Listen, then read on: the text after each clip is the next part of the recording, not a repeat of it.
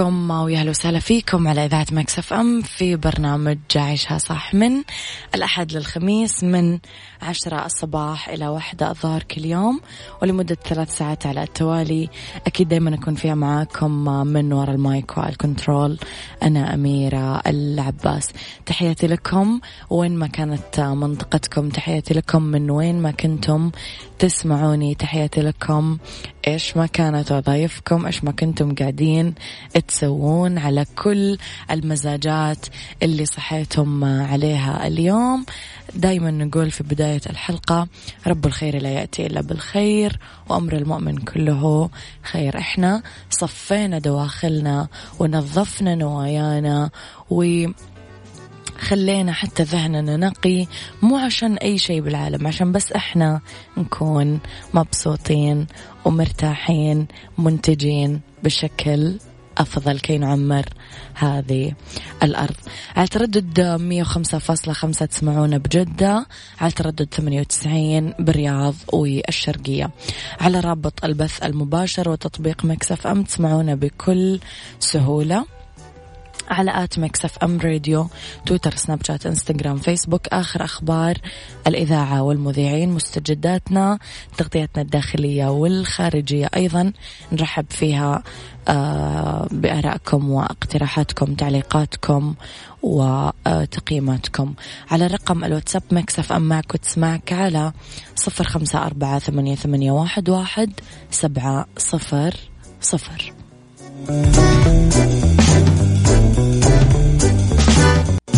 عيشها صح مع أميرة العباس على مكتف أم مكتف أم هي كلها في المكس.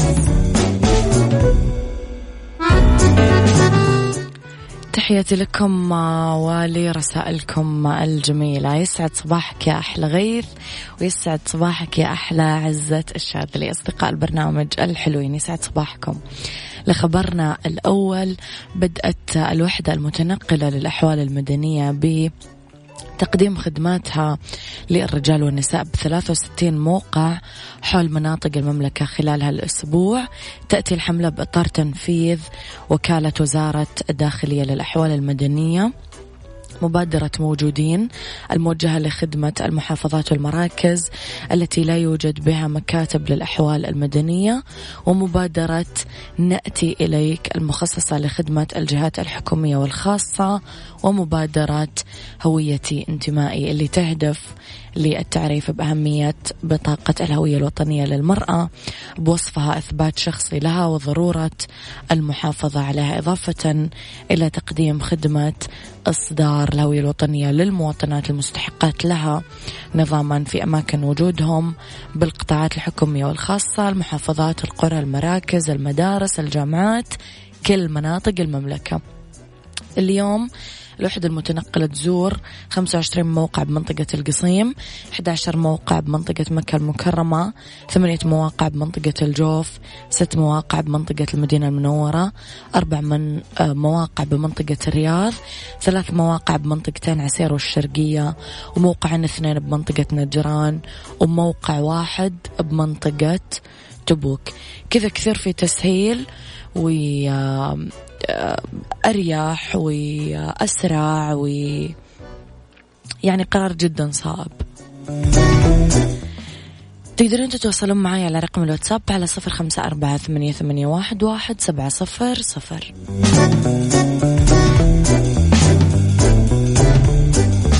عيشها صح مع أميرة العباس على مكتف أم. مكتف أم هي كلها في المكتف.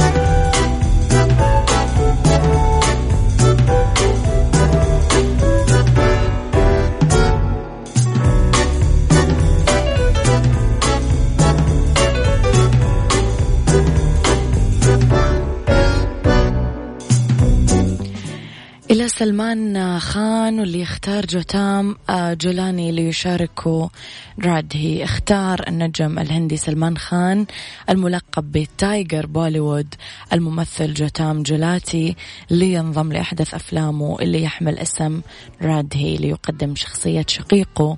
ذلك من بين عدة أسماء طرحت من بينها.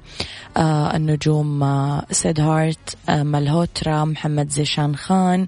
جولاتي يعد أفضل اكتشافات سلمان خان الفنية خلال الخمس سنين الماضية وظهر لأول مرة في الموسم الثامن من برنامج سلمان خان بيج بوس وفاز باللقب.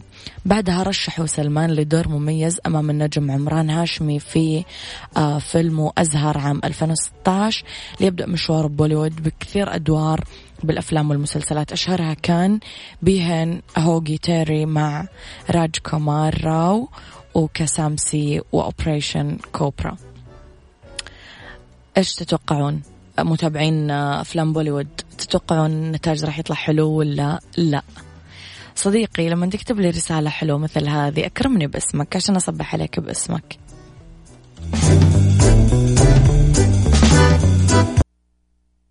عيشها صح مع أميرة العباس على مكتف أم. مكتف أم هي كلها في المكس.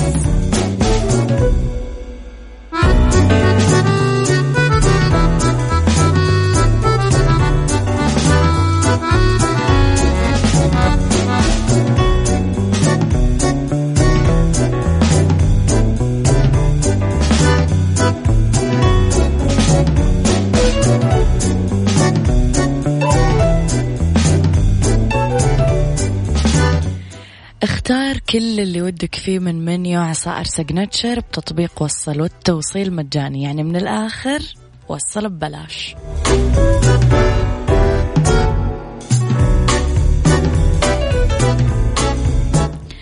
لخبرنا التالي والصحة تدعو القادمين من دول كورونا بالبقاء بالبيت. أوصت وزارة الصحة الناس اللي جايين من الدول اللي تسجلت فيها حالات إصابة بفيروس كورونا الجديد وظهرت أعراض مرضية خلال 14 يوم. ارتفاع درجة الحرارة ألم بالحلق ضيق بالتنفس. الاتصال بمركز الصحة 937 والبقاء بالبيت واستخدام الكمامة نشرت الوزارة عبر حسابها بتويتر انفوجرافيك يتضمن الإرشادات في إطار جهودها التوعوية للتعامل مع الفيروس واستمرارا لسلسلة رسائلها التوعوية اللي تبثها عبر مختلف المنصات الإعلامية. جددت وزارة الصحة تأكيدها أهمية الوقاية من الأمراض التنفسية بشكل عام ونصحت الكل بضرورة الالتزام بالإرشادات التوعوية اللي أصدرتها لتجنب الإصابة بالفيروسات حيث يجب الاهتمام بنظافة اليدين وأن يكون العطس أو السعال باستخدام المناديل أو بمرافق اليد والابتعاد عن الأشخاص اللي عندهم أعراض للإصابة وهذه كفيلة في الحد من انتقال الفيروسات من شخص لآخر.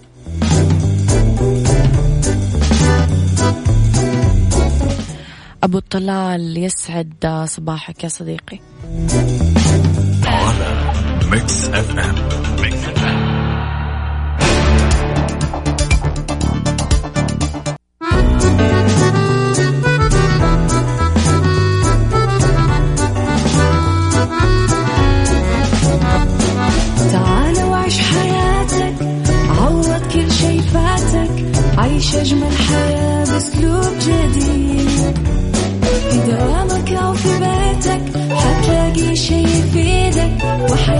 إيه راح تتغير أكيد.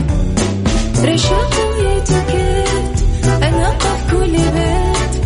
ما عيشها صح أكيد حتعيشها صح. في السيارة أو في البيت اضمعنا والتوفيق. تبغى الشيء المفيد ما عيشها صح.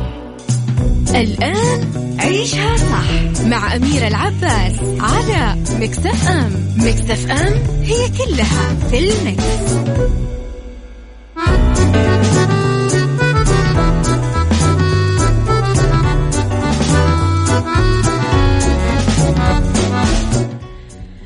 يسعد صباحكم بكل الخير. تحياتي لكم مجددا من وراء ال mic وال control أميرة العباس. على تردد 105.5 بجدة 98 بالرياض والشرقية رابط البث المباشر تطبيق Mix FM.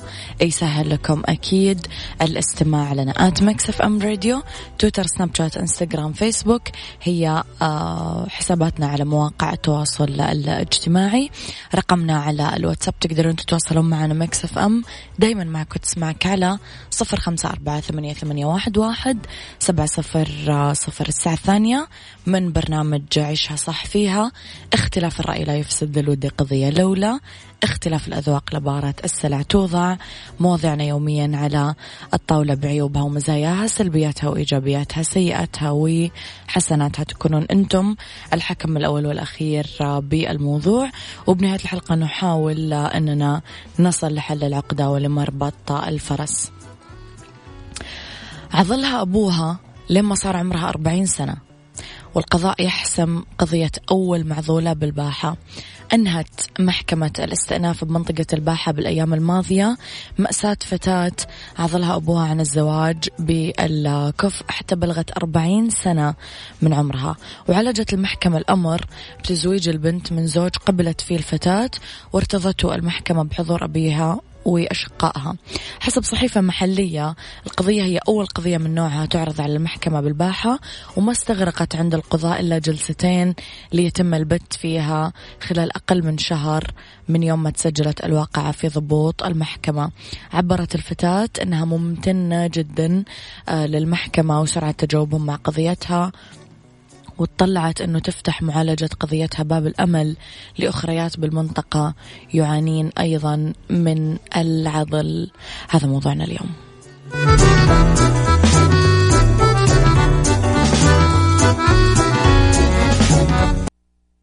عيشها صح مع أميرة العباس على مكتف أم. مكتف أم هي كلها في المكس.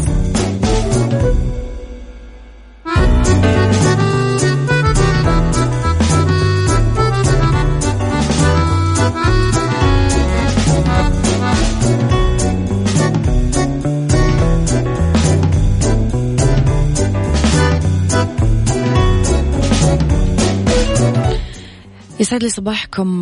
مجددا عودة لموضوعنا ومعي أكيد على الهاتف الأستاذ محمد الحمزة الأخصائي الاجتماعي وكاتب في جريدة رياض والمستشار في أحد مراكز الإرشاد والتدريب. يسعد صباحك أستاذ محمد. يا هلا ويا مرحبا. شكرا أستاذ أميرة. نرحب فيك على إذاعة مكسف إم. آه، أستاذ محمد قضايا العضل ومواضيع عضل الفتيات. في البداية خليني أسأل هل نقدر نعتبر أنه هذه الظاهرة موجودة كثير ولا موجودة بشكل قليل؟ آه، قضايا العضل آه، لا ننكر وجودها لكن تبقى مسألة وجود الإحصائيات الدقيقة صعبة جدا يبقى هذا الموضوع من المواضيع الاجتماعية آه، اللي عليها غطاء وغشاوة كبيرة كما تعرفين السادة أميرة ويعرف السادة المستمعون أن كثير من البنات يكون عندهم حرص أيضا على سمعتها وعلى سمعة أسرتها فقليل فما توصل الموضوع للمحاكم يعني. بالضبط يعني مسألة المواضيع اللي تصل إذا كان في آه، مثلا إذا قلنا في الشهر توصل قضيتين ثلاثة للمحاكم حط في بالك في مية قضية ما وصلت. صحيح. فمسألة وجودها هي موجودة. آه، حنا الآن في المجتمع السعودي ما بين الأسر نلحظ آه، وجود أكثر من حالة. البنت بالذات إذا كانت واعية وفاهمة ومتعلمة فإنها تكون كما ذكرت حريصة على سمعتها وسمعة أهلها لأنه تعرف إن هذا بينعكس عليها حتى مستقبلا أو حتى في النظرة آه، بين الأهل حتى في النظرة في داخل الأسرة. آه، طبعا إحنا لنتفق في البداية أن هذه هي جريمة. جريمة ترتكب آه، بحق البنات جريمة إنسانية. فيها تجاهل لاحتياجات المرأة فيها تجاهل تماما لرغبتها في الأمومة في الاستقرار في تكوين أسرة. فهذه من الأشياء اللي تخلي هذا الموضوع معقد إلى حد ما ومتداخل آه، ويصير فيه نوع من آه، الضبابيه حتى في التعامل. يعني لو جينا عند الآن آه، في داخل الأسرة جينا عند الأم قلنا لها طيب كلمي الأب. جينا عند الإخوان نقول لهم طيب كلموا أبوكم. في بعض الناس يقول أنا ما ودي أتدخل أنا ما أبغى أفقد الأب أنا أبوي عصبي اخاف يتخذ قرارات شوية صارمة. فلاحظي المشكلة شوي معقدة شوي متداخلة. موضوع صعب جدا صعب أخذ القرار جداً. فيه جدا. طيب آه طيب ما رأيك في قضية آه قضية أول معذولة في الباحة أستاذ محمد؟ طبعا آه، خلينا برضو نكون واضحين في مسائل آه، أو في الاتجاه اللي قاعد يحصل الآن في اللجوء للمحاكم. هو اتجاه إيجابي بكل معنى الكلمة. المرأة من حقها أن تحصل على حقوقها الشرعية والقانونية وحقوقها الإنسانية بأي وسيلة كانت. إحنا في البداية نقول يفترض أنها تؤخذ الحقوق بشكل ودي اجتماعي. فلذلك يفترض تدخل العقلاء من داخل كل أسرة آه، لأخذ حق هذه البنت المعضولة. لكن إذا تعذرت هذه الوسائل إذا آه، الأب ما عاد يسمع لأحد فيبقى من حق البنت بالذات إذا كانت عندها الاستطاعة المالية فرضا أنها ممكن تستقل. إذا كانت عندها قوة شخصية أنها ممكن تنفصل حتى عن اهلها لأن تعرف أنت بعض الآباء ممكن بعد اتخاذ إجراء مثل هذا الإجراء إنه يتخذ معها موقف اجتماعي ممكن يقاطعها ترى. هذا شيء بديهي نعم أكيد. فاللجوء للمحاكم لجوء حضاري وهو يعني حاجة ضرورية للحصول على الحقوق. أنا وياك أستاذ محمد رح نطلع بريك قصير جدا ونعود لنح... لنكمل حوارنا مرة أخرى. عيشها صح مع أميرة العباس على مكتف أم مكتف أم هي كلها في المكس.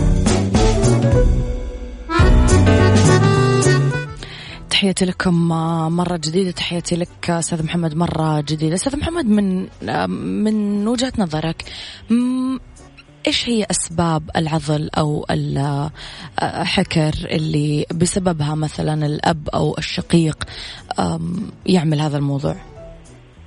أه بصراحة أبرز سببين واضحين بالذات من ناحية اجتماعية وجلية أمام الناس سببين متناقضة غريبة جدا.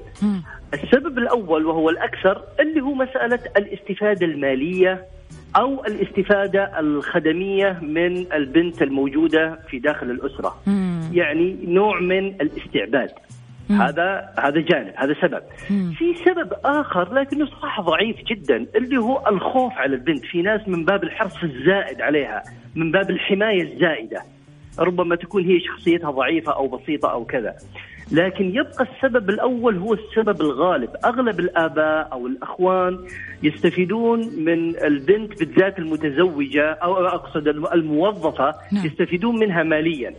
أو يستفيدون منها في خدمة البيت بالذات إذا كان الأب كبير في السن ويحتاج إلى خدمة أو الأم كبيرة في السن فهم يسعون لإبقاء آه، أحد قريب منهم لاستغلاله وهو استغلال للأسف غير مشروع. يعني بإمكانهم يزوجوها وتروح تيجي عندهم عادي يعني. لكن للأسف الشديد النظرات القاصرة إما بسبب الجهل أو بسبب سيطرة نظرة التحكم هذه برضو ترجع إلى شخصية العاضل.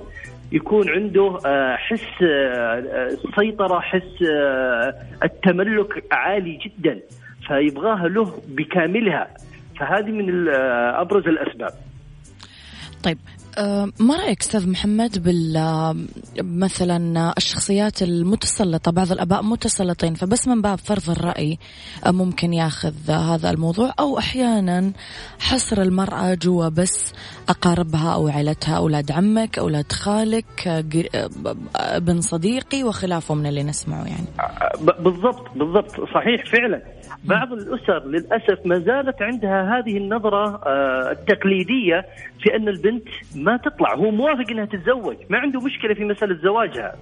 لكن يبغى زوج محدد من داخل الأسرة أو من داخل القبيلة أو من داخل المنطقة. مع أن المفترض بالذات إذا قاعدين نتكلم حنا عن مجتمع مثل المجتمع السعودي مترامي الأطراف متعدد القبائل متعدد المناطق متعدد الطبقات الاجتماعية فممكن حتى يرفض أنها تأخذ من طبقة أعلى أو أقل. ترى في ناس عنده ما زالت هذه موجودة في الذهنية. هذه للأسف الشديد قاعدة تعطل كثير من العلاقات الزواجية بالذات إذا جينا عند بعض الشباب الآن اللي ممكن تعرف على آه، وحدة في العمل أو بطريقة جميلة جدا واختارها أنها تكون زوج له لكن يتفاجؤون بأن المواقف الأسرية تقف عائقا وحاجزا لارتباطهم.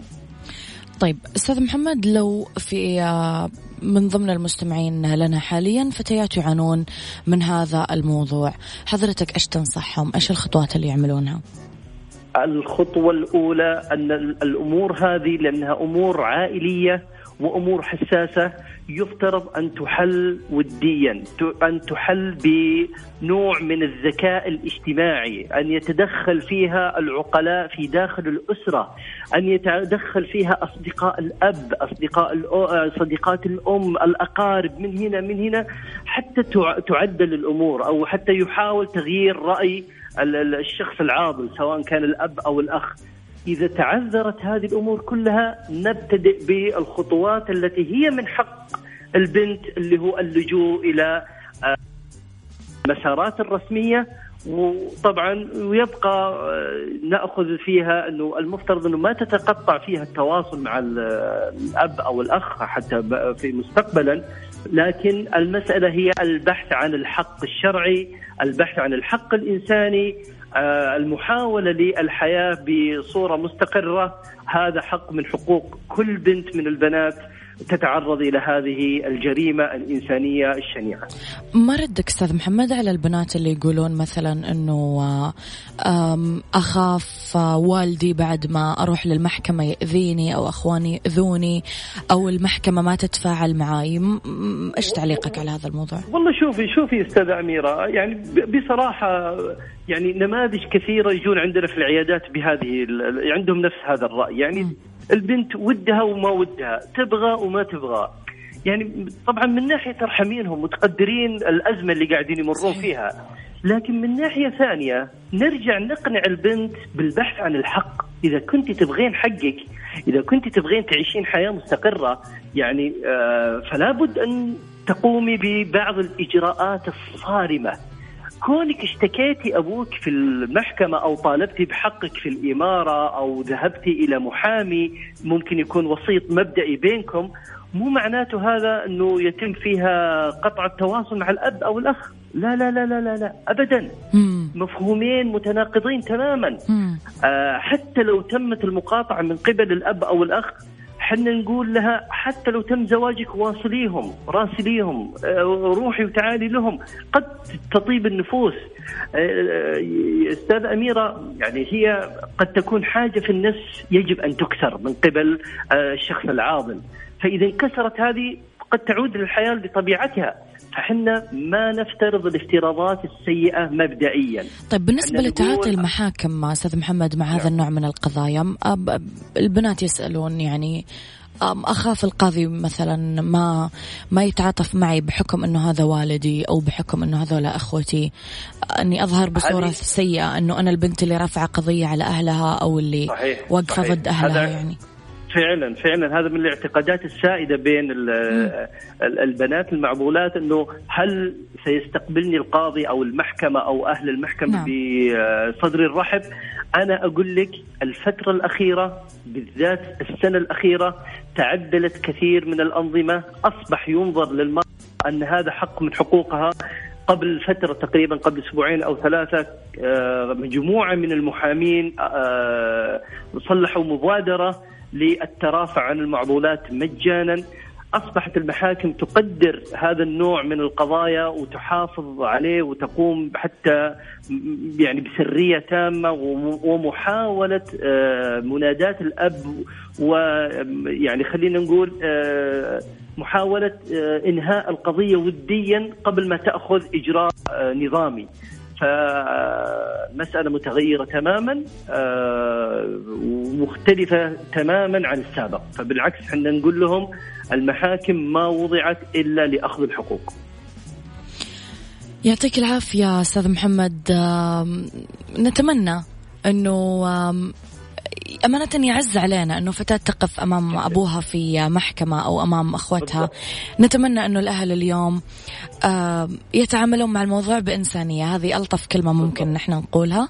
والله يصلح الحال. أنا مبسوطة أنه القضية نجحت بكامل الهدوء في الباحة ونتمنى أنه يعني في هذا السياق باقي القضايا أيضا تمر مرور الكرام بإذن الله تعالى. شوفي أستاذة أميرة يعني يبقى يبقى القضاء وتبقى الجهات الرسمية آه، من مهامها الرسمية من مهامها الأساسية هو حفظ استقرار المجتمع.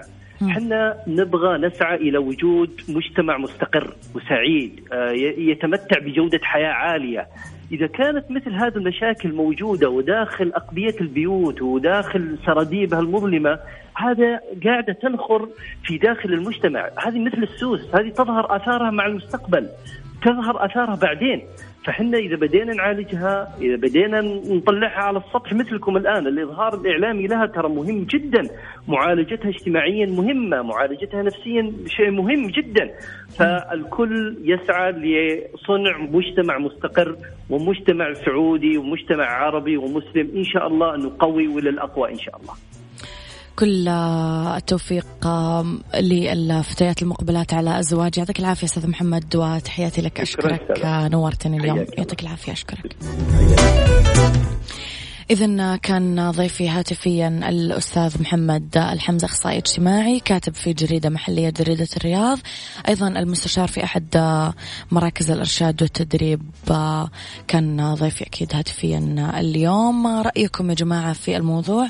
أكرمونا بآرائكم على صفر خمسة أربعة ثمانية, واحد سبعة صفر صفر. عيشها صح مع أميرة العباس على مكتف أم. مكتف أم هي كلها في المكس.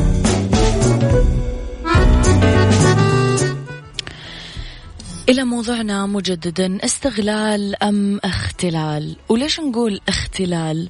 لأنه من عشر المستحيلات أنه أب تزوج بشكل طبيعي من والدة هذه البنت مارس حقه الطبيعي في اختيار شريكة حياته آه، جاب أولاد وصار عنده بنت والبنت هذه كل العرسان اللي يتقدموا لها لا لا لا لا يبدأ يتقدم العمر فيها لا لا لا لا.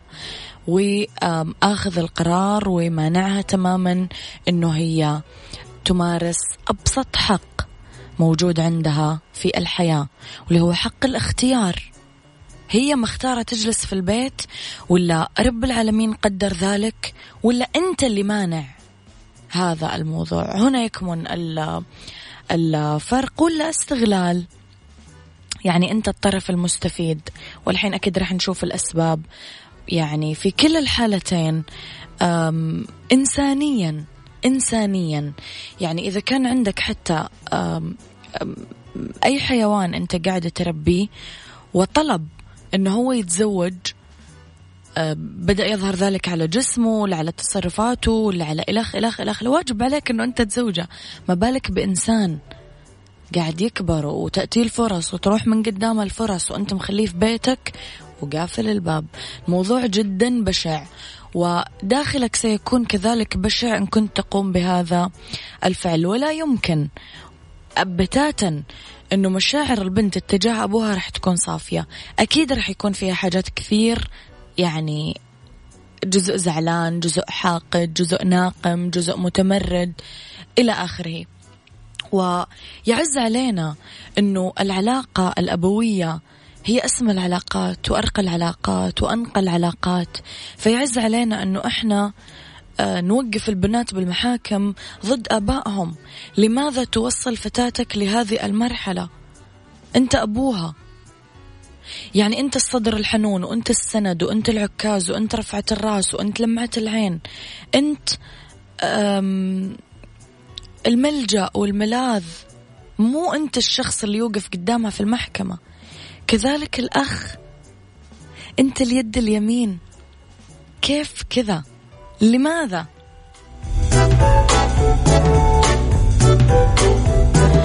من بعض أسباب العضل أو الحكر الطمع المادي من قبل ولي الأمر إما أب إما أخ إما اللي هو آه يبدأ يطلب مبالغ فلكية آه في المهور. آه مبالغ يعني حتى الغني راح يقول لك لا والله ماني دافع هذا المبلغ. إيش هذا المبلغ؟ مبلغ فلكي يعني. فما بالك اللي مثلا ميسور الحال أو وضع متوسط أو تو متخرج تو متوظف. يعني ليش هذا التعجيز؟ الاستفادة من راتب البنت البنت موظفة. والله يا جماعة أنا أعرف إحدى المعلمات تزوجت وخلفت وصرفتها موجودة عند أهلها بطاقة الصراف حقتها. قلت لها يعني عادي جدا أنه أنت تساعدين أهلك ماديا بشكل شهري إن لم يكن حتى واجب عليكي بس أكيد لازم يكون جزء من راتبك لك أنت أو لبيتك أو ذات يوم لزوجك حتى إذا كان محتاج. أما الصرافة بكبرها عند الأهل فببعضهم ما يزوجون البنت أصلا عشان الراتب طول الوقت ينصرف على البيت. تعز يعني ولي الأمر أحيانا يكون متسلط متكبر لا يخاطب العرسان بشكل جيد يشعر بالعظمة اتجاههم يترفع عنهم في الحديث. يبدأ العرسان أكيد يعني يبتعدون عن التقدم لخطبة ابنته حبس الولي ابنته آه عشان تخدمه وتقوم على شؤونه واجبها وغصبا عنها و, و, و إنسانيا وأبويا ومن حقوق الآباء ومن واجبات الأبناء أنه يخدمون أهاليهم بس مو بعدم تزويجهم. خليها تجي الأمور بالرضا وبالطيب وبطيب النفس و... و... وبكامل الرغبة. تترك بيت زوجها راح تلاقيها كذا لحالها. خلصت من واجبات زوجها عليها جاتك لين عندك. تقوم على أكلك وشربك وعلاجك ولبسك وبيتك وكل أمورك. مو بالغصب الأمور تجي. أخيرا حصر المرأة في أقاربها أو حجرها عليهم. رب العالمين قد يكون لم يقدر فلانة لفلان. لم يكتب فلان. أنت غصب يعني تبغى تغير القدر؟ لا اقعدي أنت لولد عمك أو أنت ما يبغون بعض. واحد منهم ما يبغى الثاني. خلاص جدا قديم قديم قديم هذا الكلام. لم يعد أصلا أحد حتى يطرحه على طاولة النقاش. أرجوك إن كانت لديك بنت ستسأل عنها يوم القيامة والله. ستسأل عن حقوقها اللي أنت ما أعطيتها إياها. رح تسأل. وستحاسب. ويعز علي. ماني قادر أصلا أطلعها من فمي إنه يعني أقول للبنت إنه إن لم يطعك والدك ف أرفع على قضية في المحكمة. يعز علي إني أقول هذه الكلمة لانها كلمة مؤلمة. ما أتمنى أشوف بنت وأب في المحكمة ضد بعض في يوم ابدا يعني.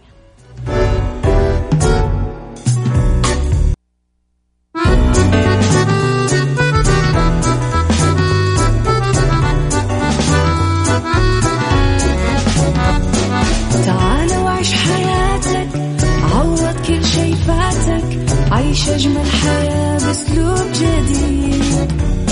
في دوامك أو في بيتك حتلاقي شي يفيدك وحياتك إيه راح تتغير أكيد. رشاق ويتكت أنا قف كل بيت. ما عيشها صح أكيد حتعيشها صح. في السيارة أو في البيت اسمعنا والتوفيق. تبغى الشي المفيد ما عيشها صح. الآن عيشها صح مع أميرة العباس على مكتف أم مكتف أم هي كلها في المكس.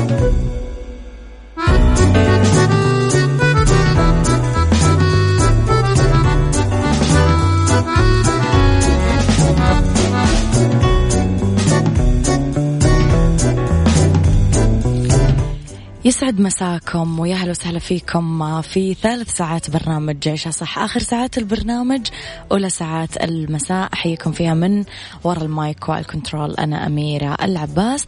على تردد 105.5 تسمعونا بجدة. آه على تردد 98 تسمعونا بالرياض والشرقية. تحياتي لكم وين ما كنتم تقدرون تسمعونا من سياراتكم أو من جوالاتكم أو كمبيوتراتكم على رابط البث المباشر أو على تطبيق Mix FM آه، على جوالات اتصالاتكم على آه، رقم الواتساب كمان Mix FM معك وتسمعك على صفر خمسة أربعة ثمانية, ثمانية واحد, واحد سبعة صفر صفر at Mix FM Radio تويتر سناب شات إنستغرام فيسبوك حساباتنا في مواقع التواصل الاجتماعي تقدرون تتواصلون معنا. أميرة يسعد مساك يا فخمة توني مخلص من ال term وجبت العيد وتعكر مزاجي معليش. أنا صديقكم مشعل مدري أهديني أغنية كذا تخلي ال mood عالي من ذوقك. أبي أسمع وشكرا لوجودك لوجود الإذاعة المتميزة. مميزة Mix FM بحياتنا. من عيوني خلاص ما عليك الحين. أعطيك أغنية كذا رهيبة تضبط المزاج. اليوم أنا وياكم نتكلم على اتيكيت أرض ورد وأكيد لأنه اليوم اثنين راح نتكلم على Mix Kitchen وأذكركم أنه هذه الساعة مم. هذه الساعة برعاية دجاج إنتاج الدجاج على أصوله. عيشها صح مع أميرة العباس على مكتف أم مكتف أم هي كلها في المكس.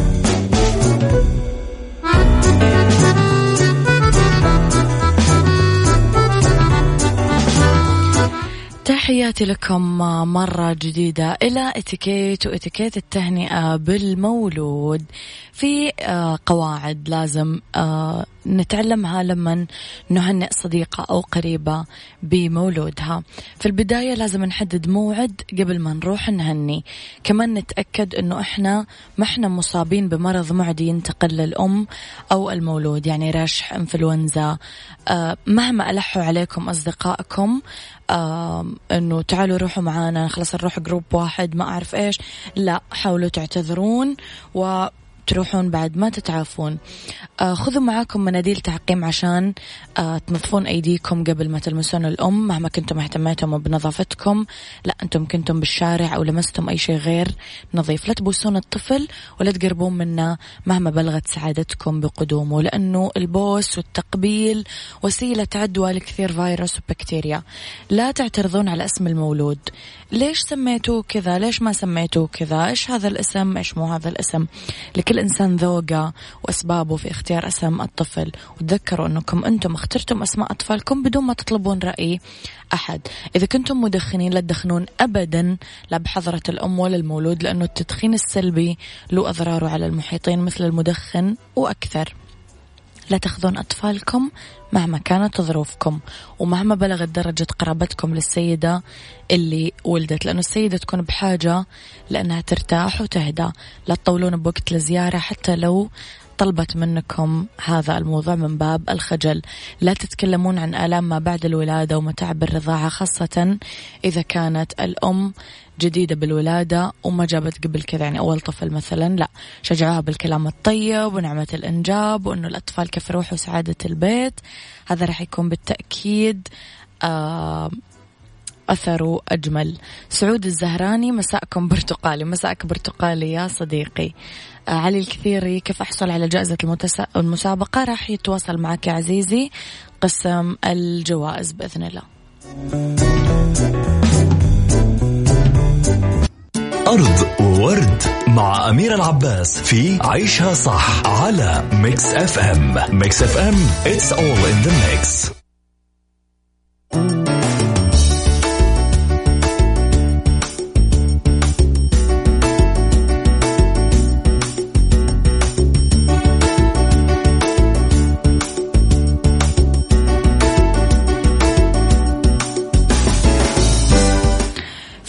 ورد نتكلم على بعض الطرق لتقليل اعتمادنا على البلاستيك. نتجنب نستخدم أنواع المواد البلاستيكية اللي تستخدم آه، مرة واحدة بس. 90% من البلاستيك اللي نستخدمه بحياتنا اليومية هو بلاستيك. نتخلص منه أو يستخدم مرة واحدة. أكياس البقالة عبوات بلاستيك أكياس السحاب أغطية فناجين القهوة المواد اللي تستخدم مرة واحدة من البلاستيك بشكل خاص بالنظر إلى كيس بلاستيكي واحد يستغرق ألف سنة عشان يتحلل. نتعرف على المواد البلاستيكية الدقيقة المتخفية. مستحضرات التجميل منتجات التجميل فيها مقشرات. هي في الواقع خرز بلاستيكي صغير. ممكن تبان هذه المواد البلاستيكية ما هي مؤذية بس بسبب, حجمها بالذات ممكن أنه تتسلل عبر محطات معالجة المياه وتروح آخر شيء للمحيط. آه، أحيانا يعتقدها السمك غذاء. ف يعني أيضا استخدام زجاجة موية قابلة لإعادة الاستخدام. قارورات الموية والمشروبات الغازية اللي يمكن التخلص منها من أكبر الجنى في النفايات البلاستيكية. وتنبع أكثر من 480 مليار من قوارير المشروبات البلاستيك على مستوى العالم في 2016 لو وضعناها آه، جنبا إلى جنب لامتدت على طول أكثر من نصف المسافة للشمس. اشتربوا من قوارير قابلة لإعادة الاستخدام بدلا من كذا. قولوا لا للبلاستيك من أدوات المائدة و... ومثلا السترو أو مصاصة الشرب آه، حاويات الأغذية السريعة. يعني إعادة التدوير غالبية البلاستيك اللي نستخدمه لا يتم إعادة تدويره. عند وجود هذه الإمكانية تأكدوا من إعادة تدوير البلاستيك اللي تستخدمونه بس تذكروا أنه من الأسهل منع الهدر بدلا من إعادة التدوير.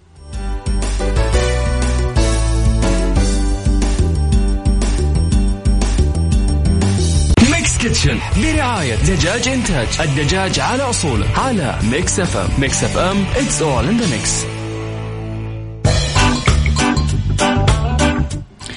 إلى فقرتنا اليوم في Mix Kitchen أكيد برعاية دجاج إنتاج. نتكلم على باستا بالدجاج والبازيلا. المقادير رح نتكلم على زيت زيتون ملعقتين كبيرة صدر دجاج آه اثنين فيليه مقطع لمكعبات صغيرة فلفل أسود نص ملعقة صغيرة ملح ملعقة صغيرة عصير ليمون ربع كوب مرق الدجاج أربع أكواب قليلة الملح الباستا آه عبوة النوع المفضل عندكم جبن كريمي آه علبة بدرجة حرارة الغرفة والبازيلا كوب مجمد بشر الليمون ملعقة كبيرة جبن البارميزان نص كوب مبشور وبقدونس مجفف ملعقة صغيرة. يتسخن الزيت بمقلة واسعة على نار متوسطة. آه يتبل الدجاج بشوي ملح وفلفل. ينحط الدجاج بالمقلة ويتقلب لمدة خمس دقائق لين يتحمر ويصير لونه ذهبي. ينشال الدجاج من المقلة ونحطه بطبق على جنب. بنفس المقلة نضيف عصير ليمون ومرق دجاج ومكرونة ونترك المزيج لين يغلي. بعدين نحط الدجاج المحمر ونخفف النار ونترك المكرونة لمدة عشر دقايق إلين تبدأ تنقص آه، كمية المرق أو الموية. نضيف الجبن الكريمي ونحرك لين تتجانس المكونات بعدين البازيلا وبرش الليمون ونقلب لمدة خمس دقايق. نحط المزيج بطبق التقديم ويتوزع البقدونس وجبن البارميزان وتتقدم ساخنة. طبعا من فوائد الدجاج الصحية في نسب عالية من البروتين مصدر مهم لل vitamins والمعادن آه وأنتم تأخذون حمية غذائية أو رجيم يساعدكم كثير على آه فقدان الوزن لأنه في نسب عالية من البروتين آه يسيطر على آه ضغط الدم آه كمان نصحت جمعية القلب الأمريكية باستهلاك لحوم الدجاج بدلا من اللحم الأحمر عشان تخفضون الإصابة بالكوليسترول أو نسبة الإصابة بالكوليسترول. آه حساء الدجاج الدافي يخفف كثير نزلات البرد والتهابات الأنف والتهابات الحلق. يوفر دجاج إنتاج كثير من السلع للمستهلك. صدور الدجاج الفيليه الدجاج المفروم أرجل الدجاج الكاملة أجزاء الدجاج المقطعة صدور الدجاج كل هذه المنتجات تقدر تلاقيها جنب بيتك. دجاج إنتاج الدجاج على أصوله. عشان تعرفون أكثر تابعونا على مواقع التواصل الاجتماعي تويتر وإنستغرام آت إنتاج هذا كان وقتي معاكم. كونوا بخير اسمعوا عشاء صح من الأحد للخميس من عشرة الصباح إلى واحدة الظهر. كنت معاكم من وراء المايك والكنترول أنا أميرة العباس.